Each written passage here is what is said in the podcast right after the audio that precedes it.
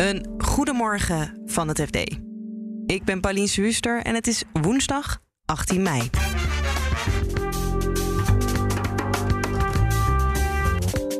De economische groei staat stil, becijferde het CBS gisteren. Maar dat is een voorlopig cijfer, dus het kan nog slechter uitvallen. Stel, het is een minnetje en je krijgt nog een kwartaal met een minnetje... wat natuurlijk makkelijk uh, gebeurd is in, in, in de huidige tijd. Ja, dan heb je twee kwartalen op rij krimpen en dan heb je een, een recessie. Geen hele zware, maar dan heb je er wel eentje. Elon Musk en Twitter beleven roerige dagen met elkaar.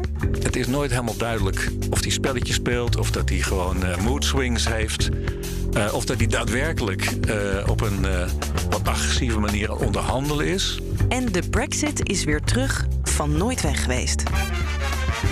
Dit is de dagkoers van het FD. De cijfers van het Centraal Bureau voor de Statistiek beheersen deze dagen het nieuws. Maandag kwam naar buiten dat de krapte op de arbeidsmarkt op recordniveau is. En gisteren hoorden we dat onze economie gestagneerd is. Geen reden tot zorg, volgens onze macro-economie-redacteur Marijn Jongsma. Het is natuurlijk wel zo dat je die stagnatie een beetje in perspectief moet zien. In die zin, het maakt heel erg uit of je het eerste kwartaal van dit jaar vergelijkt met het eerste kwartaal van 2021. Want dan zijn we fors gegroeid, 7%. Maar toen zaten we natuurlijk nog midden in die hele coronacrisis. Ja. En als je het vergelijkt met het vierde kwartaal van vorig jaar, ja, dan is er dus sprake van een, een stagnatie. Ja, en, en, waarom kijken we dan naar het, het, voorgaande kwartaal en niet hetzelfde kwartaal, maar dan een jaar terug? Nou, het CBS kijkt naar beide. En het is in die zin nu heel interessant, omdat het zo sterk afwijkt van elkaar. Het verschil is enorm, hè? of 0 of 7. Ja. Kijk, als je natuurlijk wil kijken van hoe beweegt de economie zich ten opzichte van, uh, van het einde van vorig jaar. Ja, dan zie je gewoon dat die groei die we hebben gezien, dat die, dat die vertraagt, dat er eigenlijk geen groei is. En het vierde kwartaal was natuurlijk een enorme verbetering. Hè. Dat was natuurlijk ook een herstel. We, kropen uit dat coronadal.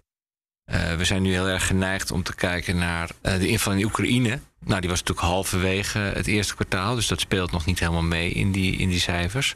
En we hebben het nog minder over uh, de coronacrisis. En die speelt een hele grote rol in die stagnatie. Om een voorbeeld te geven.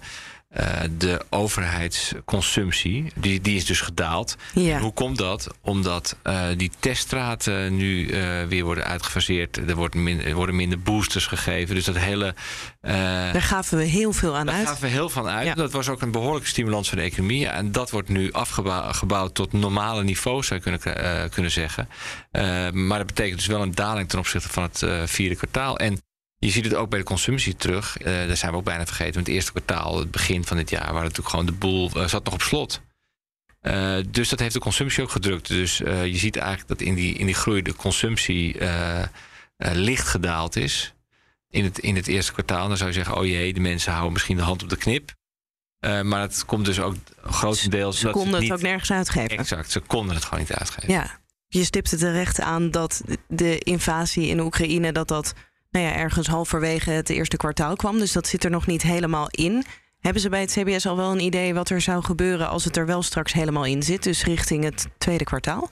Ja, die vraag stel ik standaard altijd wel. Maar het antwoord weten we eigenlijk ook wel. Het CBS doet niet aan voorspellingen. Maar kijk, het is een kwestie van een, een rekensommetje. De situatie is niet verbeterd.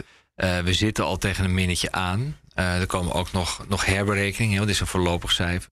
Stel, het is een minnetje en je krijgt nog een kwartaal met een minnetje, wat natuurlijk makkelijk uh, gebeurd is in, in, in de huidige tijd. Ja, dan heb je twee kwartalen op rij krimpen en dan heb je een, een recessie. Geen hele zware, maar dan heb je er wel eentje. Ja. Is dat erg? Nee. Nee, kijk. Je moet het zo zien, we hebben die uh, coronacrisis gehad en we zijn daar uh, meer dan van hersteld. Heel overtuigend, dus dat uh, was een heel spectaculair herstel. Dus de economie is heel veerkrachtig uh, gebleken eigenlijk. En dat je nu een, een, terugval hebt in deze, deze situatie, ja, dat is, dat is bijna onvermijdelijk. Dat is niet iets waar je nou uh, enorm uh, van in paniek moet raken, lijkt mij. Wat is van de huidige economische situatie dan de grootste zorg? Toch wel de krappe arbeidsmarkt in combinatie met, met de huidige inflatie. En die inflatie, ja, die kunnen we ook niet wegpoetsen. We betalen gewoon meer voor energie. Elke dag uh, zetten we een, een, zak met euro's over de grens in ruil voor gas en olie. In, in, in grotere mate dan we deden. Ja. En die combinatie met de arbeidsmarkt is dan het mogelijk moeten compenseren van die inflatie.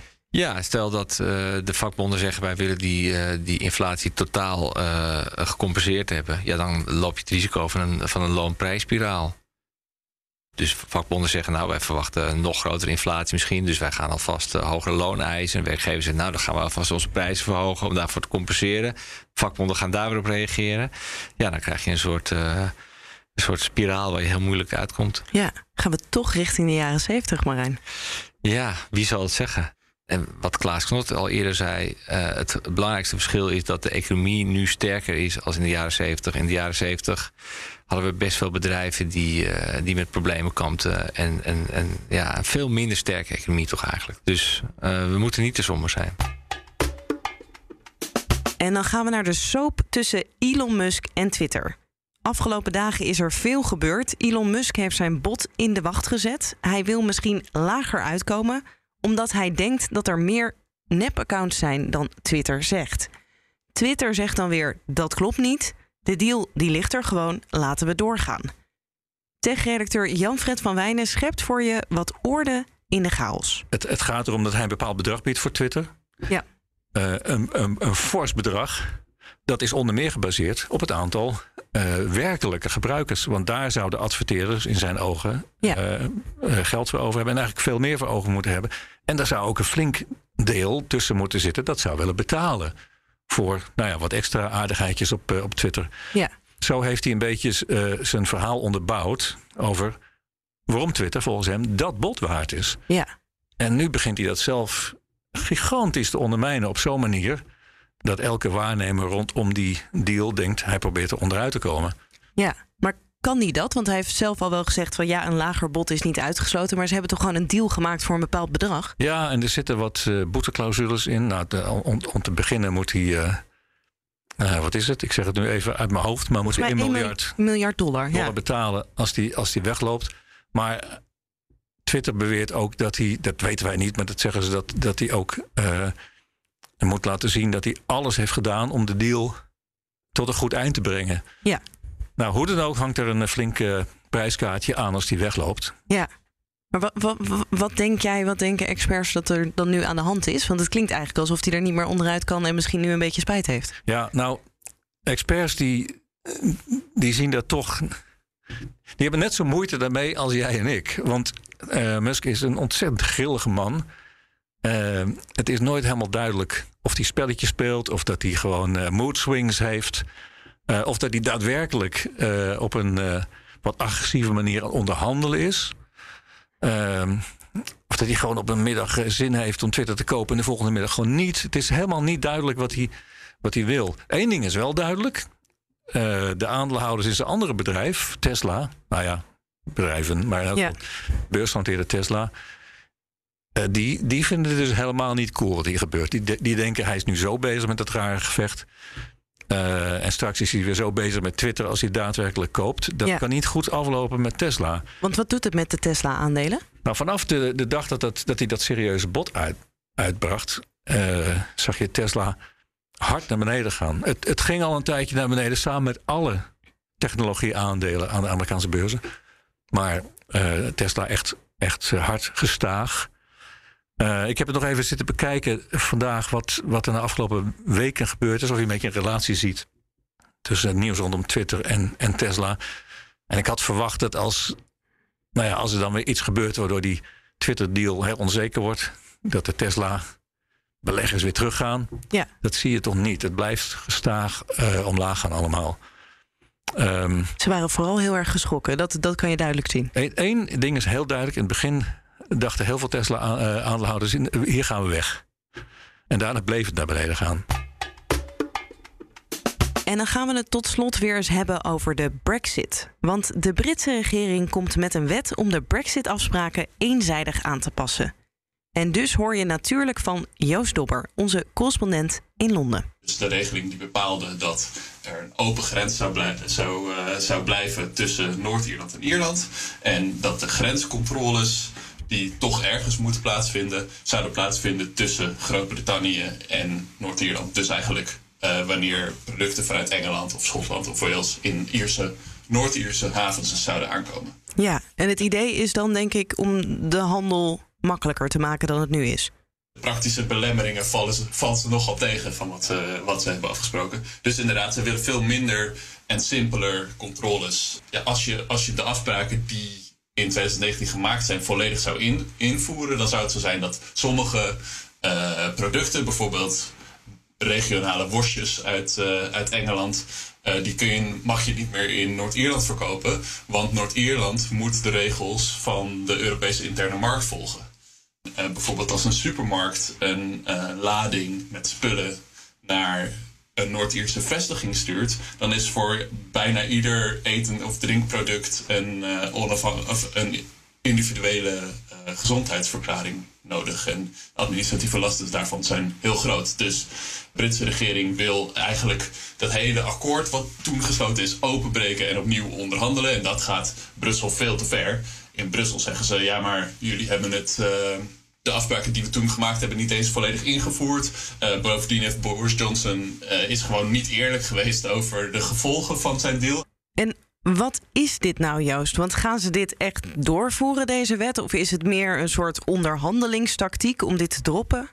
Nou, deze wet is uh, om te beginnen nog helemaal geen wet. Het is alleen een aankondiging van een wet. Een aankondiging van een wetvoorstel. En dat wetvoorstel is dat ze eigenhandig de, het Noord-Ierland-protocol gaan openbreken. Uh, nou ja, dat zou natuurlijk totaal niet in overeenstemming zijn met hun verplichtingen onder die afspraken. Het zou in, in strijd zijn met het, met het internationaal recht. Dus dat zou voor grote problemen gaan zorgen. Maar goed, uh, voorlopig, de komende weken, ligt er nog helemaal geen wetsvoorstel. Ze zijn al een tijdje aan het praten over hoe dit makkelijker kan. Dan komen ze met zo'n wet. Dat zou dan ook nog best wel uit de hand kunnen lopen, kan ik me voorstellen. Want hier zou Brussel niet blij mee zijn. Nee, Brussel is hier zeker niet over te spreken. Uh, valt erg slecht. Uh, en Brussel heeft ook al een keer juridische procedures opgestart. Nou ja, die wat voor de hand ligt, is de eerste stap voor Brussel is uh, om misschien die juridische procedures weer te hervatten. Maar um, ja, mocht dit nou echt op de spits worden gedreven, dan he heeft de Europese Unie al gezegd van ja, nou ja, dan is die hele, want de, deze hele Noord-Ierse grensafspraken is een van de fundamenten onder die handelsdeal die is gesloten in 2020. En ja, als je dat fundament eronder vandaan haalt, dan kan Brussel zeggen, en dat hebben ze al gezegd, dat ze dat ook echt zullen doen. Uh, ja, dan, dan is die handelsdeal ook niet meer. Uh, ja, die, kunnen we, die kan dan ook ingetrokken worden. En dat zou kunnen betekenen dat er weer invoer.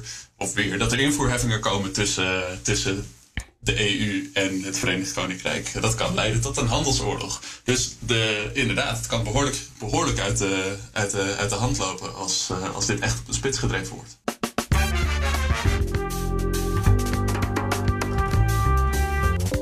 Dit was de dagkoers van het FD. Je volgt ons in je favoriete podcast-app gratis en voor niks. Het enige wat je hoeft te doen is even abonneren. Dan krijg je elke werkdag een nieuwe aflevering. Voor nu een hele fijne dag en tot morgen.